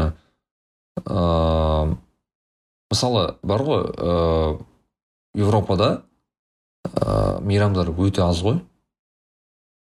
Расы керек. Біздікіндей мысалы бізде президенттің күні бар потом ыыы тәуелсіздік күні бар мына майдың мысалы мамырдың кезінде мүлдем көп қой мысалы наурыз бар оның үстіне анау бір мынау өте көп та бізде андай нелер. Мемлекеттік ііі демалыстар. Ол жақта өте аз. Бірақ қызығы мысалы голландия негізі ол корольдік. Ол жақта король бар. Қазір ә, атын есіме түспей тұр Ә, король бар. Сол король ә, сол корольдің ә, туған күні бар. Кингс дэй деп айтады ә, сол кингс дэйді кәдімгі официальный не ә, демалыс. Ә, и қызық. Сол сол күні адамдар ә, тойлайды сол күні. Ол Хотя- белгілі бір дата ма? Жоқ әлде белгілі бір дата иә. Именно корольдің туған күні. Прям сол күнмен сәйкестендіреді. Қызық кәдімгі официальный официальный не демалыс береді. Ол бізде ол сол голландияда бар ә, англияда бар ә, тағы кажется швецияда. Қай қай мемлекеттерде корольдік бар соның бәрінде кингсдей бар екен негізі. Қалай ойлайсың біздегі мейрам көптік жақсы ма жаман ба және не үшін? Мен айтсам көп көп сияқты бізде мейрам. Сол жақсы ма жаман ба менің ойымша. Білмеймін. Мен, мен жақсы жаман деп айта алмаймын бірақ ыыы біз европаны көріп келген адам ретінде. Бізде жақында мен мынандай наблюдение айта аламын. Ә, негізі ә, бізде бір жақында бір жігіт тұрып есептепті да менің досым қанша бізде қанша официальный ә, ә, не бар демалыс күндері бар.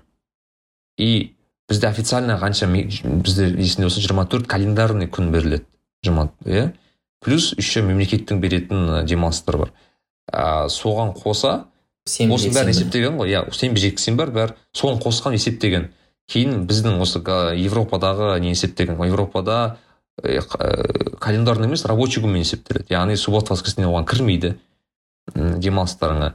Сондықтан бұл отырып есептеген плюс официальный демалыстарды есептеген сөйтсе примерно бірдей болып шығыпты плюс минус қызық. Яғни ә, біздің бағанағы демалыстар компенсирует осы бізде кейде жалап сатады бізде неге осы календарныймен алады. Оказывается бізде мемлекеттік праздниктардың өздері соны ә, жабады екен. Сол сол ә, осындай жетіспеушіліктерді. Сондықтан жақсы жаман деп айту қиын сияқты біздің жағдайда. Бірақ анау тұрсынбек айтады ғой бізде адамдар ә, жұмыстан сұранып жұмыстарым бар деп сұранып кетеді дейді да сол сияқты. Бізде негізі демалыс болғанмен адамдар бәрі де тіршілік жасап жұмыс істеп жатады ше негізі. Ол жақсы ғой тәке негізі бір жағынан. Иә иә де- демалмайды ғой бізде адамдар мысалы былайша айтқанда бізде негізі демалыс. ол енді жақсы да жаман жағы бар. Мысалы мен европада менен сұрайды ғой кейде не үйрендің мысалы ауылға барсам әсіресе европа қалай екен? Мен енді біраз бір зат айта аламын нақты. Европадағы адамдар демала алады екен. Мен де соны байқадым. Өмірден бір ләззат алады да бір. Ыыы біз шыны керек мен өзімнен де байқадым демала алмайды екенбіз ше. Біз анау руслан екеуміз парижде жүрдік қой. Сол кезде адамдар жай барақат анау көшеде бір кішкентай стол үстінде бір кішкентай салат жеп отырады сосын бір паркте күннің астында қыздырынып отырады. Осыны ойлап қойдым мә мыналар деген бір ыыы на расслабоне жүрген сияқты бір не бар ғой былайша айтқанда. Иә бізде напрягпен жүрміз да бәріміз былайша айтқанда. Аналар бір бізге де өйтіп жүруге болады да негізі бірақ неге біз өйтіп жүре алмаймыз деп ойлайсың? Әлде мысалы кептеліс соның бәрі әсер ете ме екен? Таңертеңнен басталады. Лайфстайл сондай шығар просто бізде әлі сол өзгерту қиын шығар. Өйткені олардың лайфстайлы өте қызық қой мысалы мен басында өзім өте үйрене алмадым бұлар яғни ыыы жұмыстар да кеш басталады и ерте бітеді еще. Мхм. Бірақ бәріне барлық жұмыстар бітіп бітіп жатады. Бітіп бірақ жұмыс бітіп жатады таңғаласың. Мысалы оларды э, бізде шамамен бір тоғыз жарым онда күн басталады. Ыыы бес жарымда бітеді. Алтыда адам болмайды офиста оларда? Алтыда олар үйде ыыы ужин ішіп отырады. Байқағаным бізде олар мен жа- точно бір зат байқадым. Олар ыыы ужинды өте ерте ішеді біз ужинды өте кеш ішеміз. Мысалы сіз шамамен қаншада ужин ішесіз? М, енді әртүрлі. Сағат жеті сегіз ғой. жеті сегіз Сегіз. бізде көбінесе жеті жарым сегізде ішеді екен да қазақтар а еуропада адамдар где то алты жарым алтыда ішеді. Яғни бұлар ішеді кейін ә, жұмыстарын бітіреді. Балалармен еще балалар голландияда балалар өте ерте ұйықтайды соған таң қаламын мен. Ә, балалар шамамен сегізде ұйықтап қалады. Мәссаған сосын таңертең? Сосын таңертең тоже ерте тұрады алтыларда тұрады сөйтіп яғни бұларда балалар ерте жатып ерте тұрады. И ол психологиялық ше жағынан қызық та не айтамын ғой а біздің балалар жата алмайды ғой деп айтамын ғой енді. Біздің балалар құдай салмасын қаншаға дейін жүреді сөйтсем енді мысалы подростктар бар ғой. Мхм. олар сыртқы балалар басқа балалар ойнағысы келеді ғой. Иә иә. И қызық та егер балалардың бәрі сегізде ұйықтап қалса а сен ұйықтамасаң далада ойнайтын бала да жоқ та. Сен амалсыздан ұйықтайсың да негізі. И қызық олар балаларын былай ұйықтатады ерте. И мысалы баласы ұйықтайды ғой ну балалар бала шағасы ұйықтап қалғаннан кейін анау ерлі зайыпты енді әке мен әкесі әке шешесі өзі ісімен айналысады. Жаңағыдай өздеріне уақыт бөледі кітабын оқиды. Енді олар европалықтар виносын ішеді деген секілді ол сыртта өткізбей ма? Көп кешкі уақыттарын сырттан кафелерде, өткізуі мүмкін киноға баруы мүмкін. То есть олар ә, яғни айтқан бұлар өздеріне уақыт бөледі. Яғни мен енді оны айтып жүрмін бірақ ә, қиын болып жүр маған осыны түсіндіру. Яғни олар олар үшін логика мынандай. Сенің өмірің өзіңе бірінші кезекте қызық болу керек. Олар осылай өмір сүріп жүріп ә, бір бақытсыз болған бір байқала ма? әлде бәрі жақсы сияқты болып көріне ма? Мен оны байқамадым депрессиядағы адамдарды көре алмайсың ғой. Өйткені бірақ шынында өзімен араласып көрмесең сырттай жақсы болып көрінуі мүмкін ғой негізі. Сырттай жақсы болып көрінуі мүмкін бірақ мен сырттай ғана байқа бақылай аламын да. Бірақ негізі олардың негізгі логикасы осындай.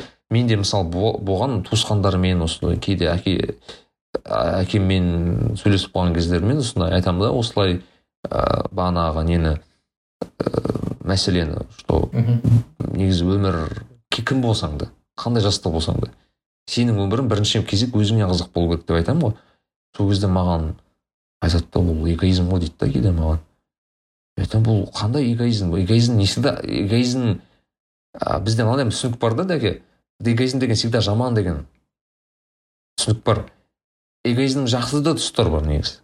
Сен бұл идеяны бұрын бір кітаптан оқып айтып жүр едің ғой иә мен источник деген кітапта айн рэнд деген бір кісінің ана атлант расслабил плечи деп пе сол кітапта да айтылған ә, ол кісі қызық идея келтіреді да ә, эгоизмнің жақсы тұстарын как раз таки наоборот эгоизм керек екенін түсіндіреді да яғни бұл жақсы эгоизм это как зависть ғой бізде мысалы белая зависть черная зависть деп бөледі ғой сол секілді жақсы эгоизм бар жаман эгоизм болып бөлінеді дейді да яғни мысалы жақсы эгоизм деген бағанағы өзіңнің жеке ә, енді қалауың бар дейді да егер сен ол қалауыңды орындамасаң сен өз өзіңе енді кішкене жамандық жасап отырсың деген сөз да мысалы сен бір нәрсе істегің келеді былайша айтқанда ешкімге зиян келтірмейтін эгоизм.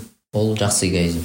Әрине иә ал біреуге зиян келтірсе тіпті бірақ ол эгоизм болмаса сен керісінше қоғамға зиян келтіретін сияқтысың өйткені сен мысалы өзіңді дамытпайсың өзіңді ыыы нетпейсің сен ә, сәйкесінше скорее всего ауырасың бір күні. Скорее всего бір күні ақшаң болмайды сен қоғамға керісінше зиян тиеді да былайша айтқанда. Өте бір қызық теория. Өйткені мысалы ыыы сол сол мен өзімді жегенді тоқтаттым сол кезде кейде. Расы керек өйткені мен түсіндім бұл эгоизмнің жақсы тұстары екенін ыыы бұл жерде енді бұл жерде бір тым радикал болудың да керегі жоқ сияқты мысалы. Иә иә. Тек қана мысалы әкеміздің айтып отқаны орынды енді ол мысалы біздің біз енді азиаттықтармыз ғой кішкене қоғамдық ә, сана бар да бізде. Аналарда индивидуализм батыста. Азиат болғаннан кейін кішкене басқаларды ойла басқалармен басқалармен бөліс деген сияқты әңгімелер айтылады ғой. Олар сөйтіп енді қабылдап қалған ортасын алу керек бізге енді балансты болу керек. иә ортасын алу керек. Бірақ енді бізде расы керек мысалы бар ғой дәке. Кейде болады ыыы, адамдардан сұрайсың әсіресе үлкен кісілерден. Ыыы менде болған бір ағаларыммен үлкен ағалар болады енді уже алпысқа тамап қойған деген секілді. Мынандай енді өзіңіз де эксперимент жасаңыз тыңдармандарға да айта аламын. Мысалы осы алпысқа тамап қалған кісілерге барып арманыңыз қандай? деп сұрақ қойыңызшы мысалы. Нені қалайсыз? Арманыңыз қандай? Деп и көбінесе мынандай жауап естимін мен. Вот бала шағамның қызығын көру дейді да мысалы. Сол бір біріне тілеп жатқан кезде де сөйтіп тілейді сөйтіп тілейді да мысалы бала шағамның тілегін көру немеренің көңілін көру бағу қағу сол секілді мәселелер айтады да. Мен бірақ айтамын жоқ мен оны айтып тұрған жоқпын деймін арманыңыз қандай деймін да арманыңыз бар шығар енді кішкентай кезде армандаған шығарсыз арманыңыз бар ма? десем қайтадан соны айтады да. Мен айтамын жоқ мысалы ыыы енді мысалы дінмұхаммед қонаевта бала болмаған деп айтамын да енді. Ол кісіде енді арман болмады деген сөз емес қой деймін да. Енді арман не всегда адамның ә, как бы арманы ол бала шағасына вообще бір адамға байланысты сіздің өзіңіз жеке арманыңыз болуы мүмкін ғой деймін да. И қызығы олар сол кісілер маған өте бір андай күрделі қарайтын не деп отырсың сен деген бір бірімізді түсіне алмаймыз деп айтқанмын ғой. Негізі осы бала тақырыпта ада абайдың бір сөзі бар ғой мысалы адамның бір қызығы бала деген дейді ғой. Сол кезде бір деген сөз тұр да. Бар қызығы емес бір қызығы дейді. Иә. Яғни оның бағанағыдай басқа да қызықтары болу керек деген сөз ғой адамның. Армандары болу керек дегенге келетін сияқты. Дәке мысалы сіздің өзіңіздің балаңыз бар да мысалы дәке? Бірақ сіз айта алмайсыз ғой мен баламның енді бар қызығым балам деген секілді немесе мен иә бала ол шағам мен бір қызығым. Бұл жерде сосын психологиялық нәрсе басталады ғой. Сен оны бар қызығым деп алып алсаң кейін ә, ол мысалы балаң ә, бөлек тұрамын десе сенде бір не болады да андай қарсылық туады туады. Иә. Жібере алмайсың, сен, сен оны жібере алмайсың деген сияқты. Ыыы оған байлаулы болып қаласың деген сияқты. Бір психологиялық бір қиын болады да кейін. Мхм. Сол үшін оны бір жіберуді үйрену керек сияқты. Ол бала өзі бөлек тұлға деген сияқты. Енді бұл үлкен тақырып э, енді үлкен тақырып. Э, мынау эфир енді көбінесе саған арналып бұл дұрыс дұрыс па негізі? Әрекет сөйлесіп жоқ мен акцент сіз мен сізді мен енді қызық болып тұр мен бірінші рет мен өзіме адамдар сұрақ қойып жатыр менің қалай жақсы интервью ме екенмін? Билаевтың жүргізушісі болсам бола ма екен? Болады хост сізді қосу керек жоқ мен негізі осы ойланып жүрмін маған енді осы подкаст тыңдайтын адамдар болса осы жиі шығып тұруға қалайтын едім осылай. Дәкемен негізі дәкемен осылай тақырыптар талқылау маған бір ерекше бір ләззат береді да өйткені мен расы керек андай бір on the same vibe дейді ғой ағылшынша типа мен енді бір волнада болатын адамдардың бірі деген кейде болады ана адамдармен сөйлесесің бір волнада бола алмайсың да и кейбір мәселені даже қоз- қозғай да алмайсың. Мына бір волна демекші мен мынандай нәрсе байқадым да адамдармен тіл табысу жағында мәселесінде. Біз қазір екеуміз былайша айтқанда дауысымыз сөйлеу жылдамдығымыздың былай жиілікті алсаң физикадағыдай ә, бірдей да бір волна дейді ғой. Толық бір толқындамыз да дауысымыздың жиілігі сөйлеу жылдамдығымыз. Сол кезде айтады да сен біреумен тіл табысу үшін оның жылдамдығына ә, ілесуің керек дейді. Мысалы қазір біз екеу се- се- сен менің тоныма ілесіп жатқан сияқтысың негізі қазір. Ыыы менің менің жиілігіме түсіп алдың да екеуміз бір толқында жүрміз да сол үшін. Иә. Енді физиканы білетін адамдар түсініп тұр жақсы. Ыыы сол сияқты ыыы мысалы кейбір адамдар ғой тез сөйлейді ғой иә егер мен тез сөйлейтін адам жанында өйстіп деп тұрсам онда біз тіл табысуымыз қиындай түседі сол үшін ә, кейде бір сол сөйлесіп жатқан адамның жылдамдығына жиілігіне ауысып алу керек та сол кезде жақсы тіл табысады мынау бір ерлі зайыптыларға жақсы не секілді лайфхак иә әйелім менен де жайырақ сөйлейді ғой ә, мен сол үшін оның толық онымен тіл жақсы тіл табысу үшін соның толқынына өтіп алуым керек та былайша айтқанда жиілігіне. Нарик билай. Ана жолы біз екеуміз өзекте кездестік қой. Иә. Сол кезде біраз әңгіменің басын қайырдық.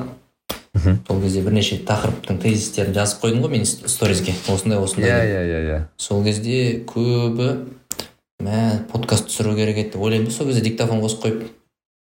Ыыы с- бір нәрсе жазып алу керек еді деп сол кезде Иә. көбінің ыыы несі сұрақтары қазір енді сен тайм кодқа да жазып қоясың ғой енді. Бірден со- содан бастап кетуі мүмкін енді. Енді сезіп отырсың ғой не туралы айтайын деп тұрғанымды Ыыы, мысалы ол кезде мысалы енді сен өзің бойдақсың иә? Иә. Сол кезде біз жар таңдау мәселесі туралы айттық. Мынау мына Иә. жер топовый болады бар ғой осы жер. Ә, жар таңдау мәселесі туралы айттық. Ә, жалпы сенің жар таңдауға деген бір ойыңның өзгергені туралы еуропадан кейін оны туралы оны да сөз қозғадық. Иә. О- оны да тілге тиек еттік былайша айтқанда. Ә, сосын бір open minded деген сөз болды ғой бір. Көп соны сұрады open minded қыз деген қандай қыз? Енді сұрақтың артында андай не тұр да? Мен open minded сияқтымын сондай емес пе екенмін деген сияқты. Ә, енді өзің айтып берші енді сол open minded қыз деген қандай? Және ә, жар таңдау мәселесінде қандай ойлар болды 2020 жылы? Ә, Иә. бір ашылып Ыыы, айтып берші бір. иә мен айтып қояйын мен білмейтін нәрсе мен әлі үйленбедім. Ііі даже жақын емес даже оған. Жақын деген әлі ондай прям не процесс жақын емес. Бірақ ыыы иә жақын емес керек. дегенді ол салыстырмалы нәрсе. Мен өйткені біраз жігіттерден естігемін мен әлі отыз жас отыз жаста үйленемін анау мынау деп жүріп үйленіп кетеді да сразу. То есть енді мен қазір сенің ойыңша ііі, мен енді осы қазір дәл қазір айтып тұрғаным ғой. Ііі, негізі иә ыыы, не өзгертті десем ыыы бізде негізі қазіргі қоғамда мен енді расы керек өзім контекстін түсіндіріп кетейін де мен маған мысалы адамның имани бай имани рухани да- дамығаны өте байлан өте керек. Мысалы ыыы приоритет та әрқашан адаммен сөйлескен кезде даже не только жар таңдаған кезде жалпы адаммен сөйлескен кезде. Бірақ әсіресе жар таңдау мәселесінде менің ойымша ол бірінші приоритет болу керек. Өйткені м, енді мен логикам мынандай да енді алла тағала бізді жаратқан кезде айтты ғой ол сенің ыыы адамның ыыы енді пайғамбар хадис бар ма еді анау адамның толық иман болмайды деген секілді иә екі бас қосылмаса деген секілді. Мен ойлаймын да неге өйткені бірдей болу керек. Яғни мысалы мен түсінемін да иманым әлі толық емес екенін түсінемін да. Сол сол сол, сол тұрғыда өйткені расы керек ол толық бол, толық болу үшін екі екінші кісі керек деген секілді. Сол кезде уникум ну кішкене бір унисон бір бір, бір принцип пайда болады. И бізде бір кейде болатын балалар ыыы айтасың былай иманға жақын ба деп айтсаң ну жарларын сұрайсың онша емес дейді да. Потом ойлайтын мә бұлар қалай кейін не жайлы сөйлеседі деген секілді. Енді рас керек өйткені мені имани осылай құндылықтар қатты қозғайды менің подкасттың өзінде өте көп сол сұрақ қоямыз осы жайлы. Бірақ мынандай парадоксты байқадым да дәке. Ыыы әсіресе мынау қазақ қоғамында жүрген кезде. Дінге жақын намаз оқитын сондай қыздардың бағана сіз айттыңыз open mind open mind деген зат ә, заттың көбінесе болмауын болмайтынын байқадым. Ол қандай тұрғыда? Open minded деген мен үшін мына зат кейбір ә, заттарды тұстарды тек бір көзқараспен көрмеу да барлық ә, пікірге ашық болу бәрін тыңдай алу және де өте бір сыни көзқараспен қарай алу көп заттарға мысалы. Мысалы ә, бізде мен енді ә, намаз оқитын қыздармен мысалы сөйлескен кезде андай болатын мәселе. Ә, барлығын тек дінмен түсіндіретін да. Кейбір заттарды мысалы өмірде. Бірақ мысалы ыыы ғылым арқылы да кейбір заттарды түсіндіруге болады. Немесе психология жағынан затын түсіндіруге болады. Немесе көп қой мысалы түсіндіре алатын заттар мысалы өмірде да. Енді ойланған кезде кітап оқыған кезде. Мысалы даже адамның кейде кітап қандай кітап оқитынына да байқау керек та. Мысалы менің кітап оқитын кітаптарым мүлдем бір біріне ұқсамайды кейде. Мысалы бір тарихты оқып келе жатып дін туралы оқып кетемін. Арасында одан кейін вообще поэзияны оқып кетемін. Деген секілді әртүрлі да неге өйткені diversity деген сөз бар бізде ағылшын тілінде маған өте ұнайтын сөз. Яғни әртүрлілік дей ма қазақша қалай аударсам болады мхм бір қиын сөз енді аудару. нәреке мынандай заңды сұрақ туады яғни мысалы егер ә, табиғатта енді неше түрлі түс бар ғой мысалы миллиондаған түс бар десек иә. yeah. бағанағы open minded емес адам иә. yeah. ол екі ақ түс көруі мүмкін ақ қара. Иә. Yeah. немесе ар жағында бір кемпір қосақтың жеті түсін ғана көруі мүмкін. Мхм. Ол жақсы жағдайда.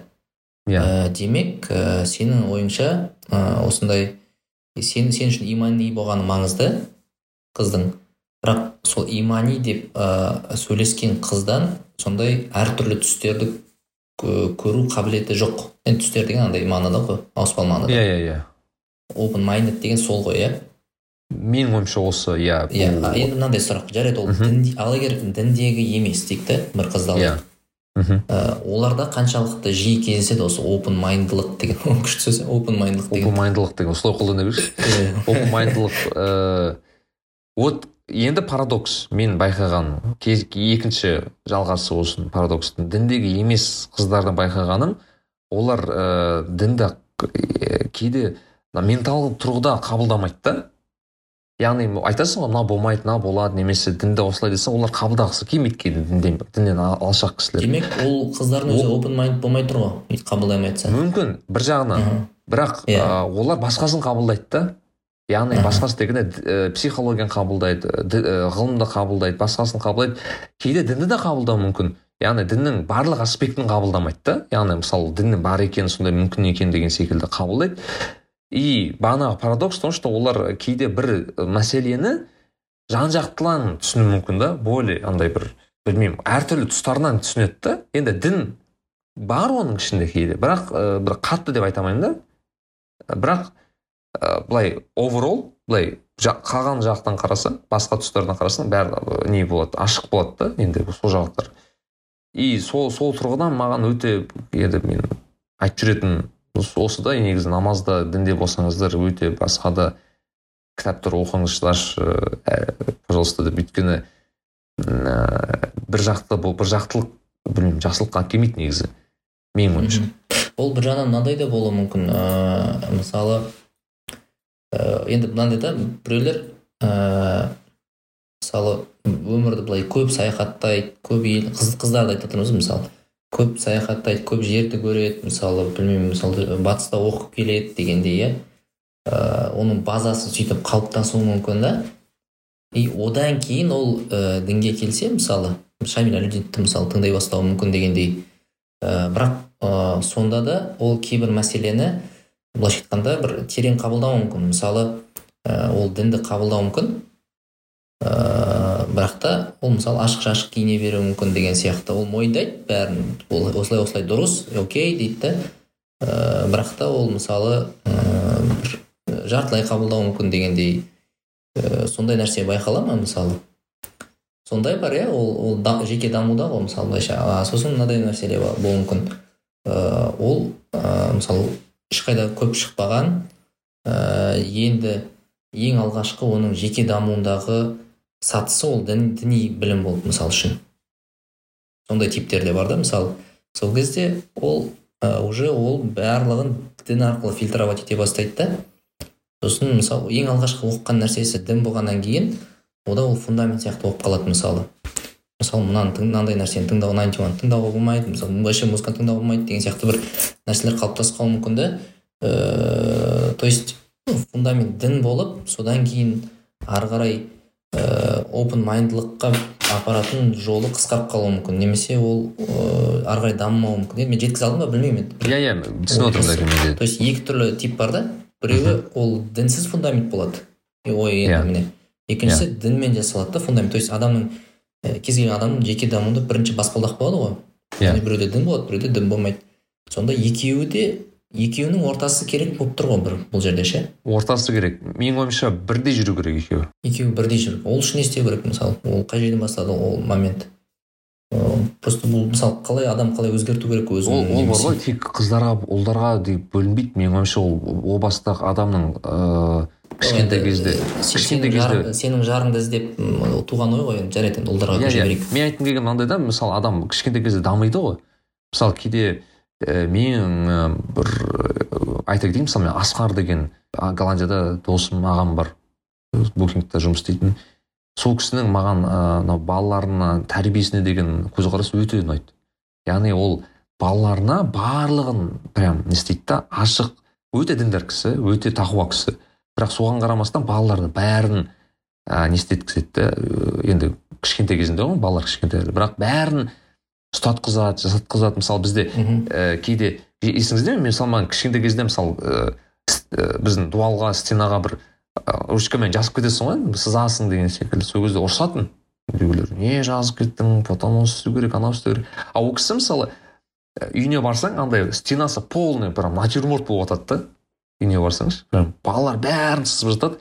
Бірақ қызығы дәке айтамын ғой «Дә- асеке бұл не болып жатыр десем артынан ә, сол асқар аға- ағаның балалары өзі сол сызады соны артынша соны не істейді екен бояйды екен прям немен краскамен.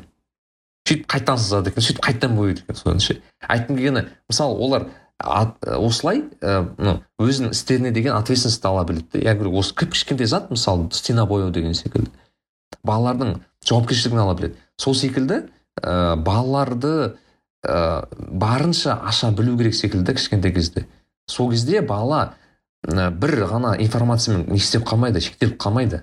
Менің ойымша мен айта алдым ба білмеймін. Қаншалықты айта алғанын білмеймін иә түсіндім. Ол open mind. Мен мен мынандай кейсті есіме түсті енді біз дінмен байланыстыра айтып жатырмыз ғой. Иә. Мысалы м, сенің балаң ә, садикке барады да. Сен діндарсың да мысалы. Ыыы сосын баланың бір несі болады? Жаңа жылдық бір шыршасы болады да. Иә иә. Осы ол жерде сұрақ туады да. Сен мысалы балаңды апарасың ба ол жерге? Әлде апармайсың ба деген сияқты. Сен енді ә, діндарсың уағыздардан еститінің ол ширк а, не шыршаны айлану анау мынау деген сияқты. Ә, бірақ та егер былай open майндылыққа салсаң иә. ә, ол оған балаға сен мысалы ол оны жауып тастасаң біртүрлі мысалы жоқ бармайсың ол жақ ширк анау мынау сен ә, неге шыршаға табынған сияқты боласың деген сияқты. Сен оны бәрін де шектеп тастайсың да былайша айтқанда. Иә иә. Ә, бірақ оның жанындағы балалардың бәрі барады нетеді деген зат то есть бұл жерде open mindлық деген ә, то есть сен ашық болуың керек сияқты да осы осы жерде. То есть шыршаға барасың ә, бірақ та түсіндіресің оған. М, сен бұл шыр- ертегі кейіпкерлері деген сияқты осындай осындай деген енді бір подходтар болады ғой. Ә, яғни бір көрпеңді жамылып алып бір қашып кетейін десең не вариант та? Бір жағынан сен өзің діндарлығыңды өзің принциптеріңді сақтап қалуың керексің. Ыыы сол кезде бір нағыз бір open minded бірақ ә, бір сондай бір сапалы мұсылман шығатын сияқты мен. Енді бір өзімнің ойымда сондай. Ыыы сол сияқты мысалы менде бұрын мынандай болатын. бала мысалы сана- саналы түрде түсініп тұр дейсіз ғой барған барған күннің өзінде. Иә ол ә, енді аяз атаны сұрамау керек екен. Аха. Ә, бұл жерде бұл кейіпкер бір ертегі деген сияқты бір сондай бір түсіндіре алуың керек та бір жағынан. Мхм. Әйтпесе ода бәрі де балада бір андай айтады ғой открытый вопрос болып қалып қалады ғой санасында неге былай істеп жатыр деген сияқты. Мына гештальт дейді ма сол гештальт. оған сен ашып түсіндіріп ә, мысалы мынау ә, тағы да бір тағы бір мысал ә, бізде мысалы бұрын мен енді мұндай орыстардың арасында жұмыс істемедім ғой бұрындары аз істедім да енді. Одан кейін бір ә, тіпті ана атеистердің арасына кіріп кеттім да бір жерде жұмыс істеген кезде. Сол кезде ә, мен енді ана жерде ершін әміренің уағыздарына барасың апта сайын. Ә, енді бір тақуалық атмосферасында жүресің ғой енді. И бір уақытта анау деген ә, атеистік нәрселерді айта бастайды да. Біздің бір бастық болатын жұмыста. Сол кезде менде бір андай қатты бір андай нетіп қалатын едім да бір ә, бір ана кірпі сияқты ежик сияқты бір нетіп үрпиіп жабылып қал жабылып қалатын едім. да. Сонда былайша айтқанда менің дінім бір әлем мына әлем бір басқа әлем сияқты бір түсінік қалыптасып қалады да. Яғни мен ашық емеспін деген сөз ғой. Иә. мен диалогқа ашық емеспін. Яғни менде бір ыыы менік ә, менің ғана діни әлемім емес басқа да әлем бар екенін бір түсіну керек сияқты да. Ә, сол кезде одан кейін мен біраз ыыы нелерді оқи бастадым анау атеистерді ше. Недегі и фейсбуктан болсын жалпы интернеттен. Одан кейін менде мынадай түсінік ә, пайда бола бастады да. Мен қаншалықты өзімнің ұстанымдарыма берікпін ол оның ұстанымы деген сияқты бір ана шекараны сызып алу деген нәрсе пайда болды да. Яғни ол айта берсін мысалы менің көзімше. Менің мақсатым былай ашық болуды тыңдау оны не дегісі келіп тұр деген сияқты. Иә. ондай үрпиіп ой астағфиралла астағфиралла деп қашып кетпеу емес. Ә, бәлкім онымен әңгімелесу оның позициясын тыңдау не үшін өйтіп айтып жатыр деген сияқты. Ә, бір, бір жолы сол сияқты бір ашықтықтың. Мүмкін иә. Мен өйткені м, бізде кейде білмеймін мысалы ыыы да- даже қазақтардың ішінде дәке да Мгм. мысалы ыыы дінде әлі күнге дейін былай сенім сенім кіремей жүрген қазақтар да көп мысалы да. Әлі кімге өзін иә иә селф identity деген зат бар ғой. Ол кімге қайсысына жақын екенін білмейтін адамдар да бар да мысалы. Мхм. и кейде болады ол кісілер расы керек бір сұрақ қояды да. Енді бұл мұсылман адам болса оңай жауап береді. Бірақ ол кісінің шынымен өзінің ана о басында ол кісі әлі ол, ол ар, ар, гештальт та енді басында бағана айтқан. Яғни ол жалмаған сұрақ әлі күнге дейін. И ол кісіні түсіну үшін сен шынымен оны тыңдай білуің керексің. Сосын ана жолы бір отырыс болды. Енді қазақтардың арасында да бар ғой. Енді критически ойлана алатын адамдар бар да. Иә. Бір отырыс енді дін діндар адаммен екеуміз сөйлесіп жатырмыз да. Сосын анау ә, бір анау темір деген сүре бар ғой хадид деген сүре бар ғой. Сол жерде айтады ғой. Енді біз діни неге тойып алғанбыз. Ә, уағыздарға сөйтіп бір бірімізбен сөйлесіп айтып жатырмыз да бүйтіп. Ә, осы темір деген ол басқа әлемнен келген деген сияқты ол құранда жазылған деп сөйтіп отырмыз ғой. Ә, сосын анау кісі сұрақ қойып қойды сосын сонда бұл жерге ә, сол уақытқа дейін жер бетінде темір болмаған ба дейді. Мысалы біздің бойымыздағы темір ше деген сияқты сондай сұрақтар қояды да. То есть ә, мен осындай кейстерді көп кездескеннен кейін уже көбінесе андай діни негізі бар бірақ та оны діни упаковкаға салмай басқаша былай светский түсіндіруге тырысатын болдым да көп нәрсені. Ыыы өйткені былайша айтқанда критикалық ойлай білуің керек сияқты да осындай тұстарда мысалы сондай сұрақ сұрақтар естіген сайын сен уже басқаша ойлана бастайсың да сенің діндарлығыңнан бөлек ә, басқа да ә, түсініктер бар. Бірақ та егер сен осы дінің егер ақиқат болса сен оны басқа жолдармен басқаша ойланатын адамға түсіндіре алуың керек деген нәрсе сүй- түйдім да өзім. Ыыы сол үшін кішкене сондай мұсылмандар болу керек сияқты бізде қазір. То есть ашықсың бір жағынан иә. Мен жақында мынандай бір қызық болды ыыы менің расы керек мысалы еуропадағы көп балалар қазақтардың көбі мхм. а, бағанағы либерал көзқарастағы адамдар негізінде. И м, бір қазақ жігіт менің бір таныс жігіт досым маған келіп жақында енді өзін ашылып айтып отыр да маған сені мен мен енді дін- дінге жақын жігіт емес бірақ айтады да маған сен дейді ә, маған нәрікпе дейді? Сен бірінші мұсылман жігітсің который мен прям таңғалдырды дейді да говорю қай жағынан сен таңғалдырдың ну ашықтығыңа таңғалдым дейді. Күліп отырғаныңа әзілдегеніңе? Иә соны айтады ашықтығыма қалай сонда дедім да сонда ну бағанағыдай күліп отырасың әзілдейсің бізбен бізбен боласың әлем көресің кітап оқисың кез келген заттар оны философиялық бір нәрселерді обсуждать етесің вообще нетфликстағы заттарды обсуждать етесің короче барлық біз мен мен мен мен немен қызығамын сен тура сонымен қызығасың дейді да. Бірақ сен мұсылмансың дейді. Сол таңғалдырады да. говорю ә, айырмашылық қандай деймін да? Мен как бы мен де адам емеспін ба деймін да? Сен ол айтады мен оған дейін көрген бәрі бана. Қара ақ бар жоқ халал харам деп бөлетін ана кісілер еді дейді мен барлығы сондай екен деп жүрген деп айтқан ғой ана кісі. Өзім таңғалып қалдым да соның әңгімесін тыңдап. Енді нарекке қарашы ә, біз бағана жар таңдау мәселесіне оралайықшы мысалы иә. ә, ә, яғни сондай бір қыздардың ә, форматын сен әлі кездестірген жоқсың ғой. Ә, мысалы ол бір жағынан діндар. Иә. Ә, бірақ та бағанағыдай нетфликсті де көреді нені де көреді деген сияқты. Ә, әзілдей де алады әзілді де түсіне алады деген сияқты бір ашық сөйлесе алады. Ә, былайша айтқанда мхм. қалай бір не бар ғой анау? Замкнутый емес па? Қалай бір забитый ма бір сөздер бар ғой орысша. Иә. Ондай типті әлі кездестірмедің иә түсінуімше әлде бар ма? мүмкін мүмкін кездестірген де шығармын бірақ ы, адамды тану деген мәселе де бар да ол жерде екінші сұрақ қаншалықты сен адам тани алдың ол. Мүмкін кездестірген де шығармын бірақ тани алмағанмын мүмкін әлі. Мүмкін білмеймін меніңше бар сияқты ондай нелер. Бірақ та сонда да ә, бір нелер бар. Мысалы мен де инстаграмда байқаймын оқырмандар жазып жатады.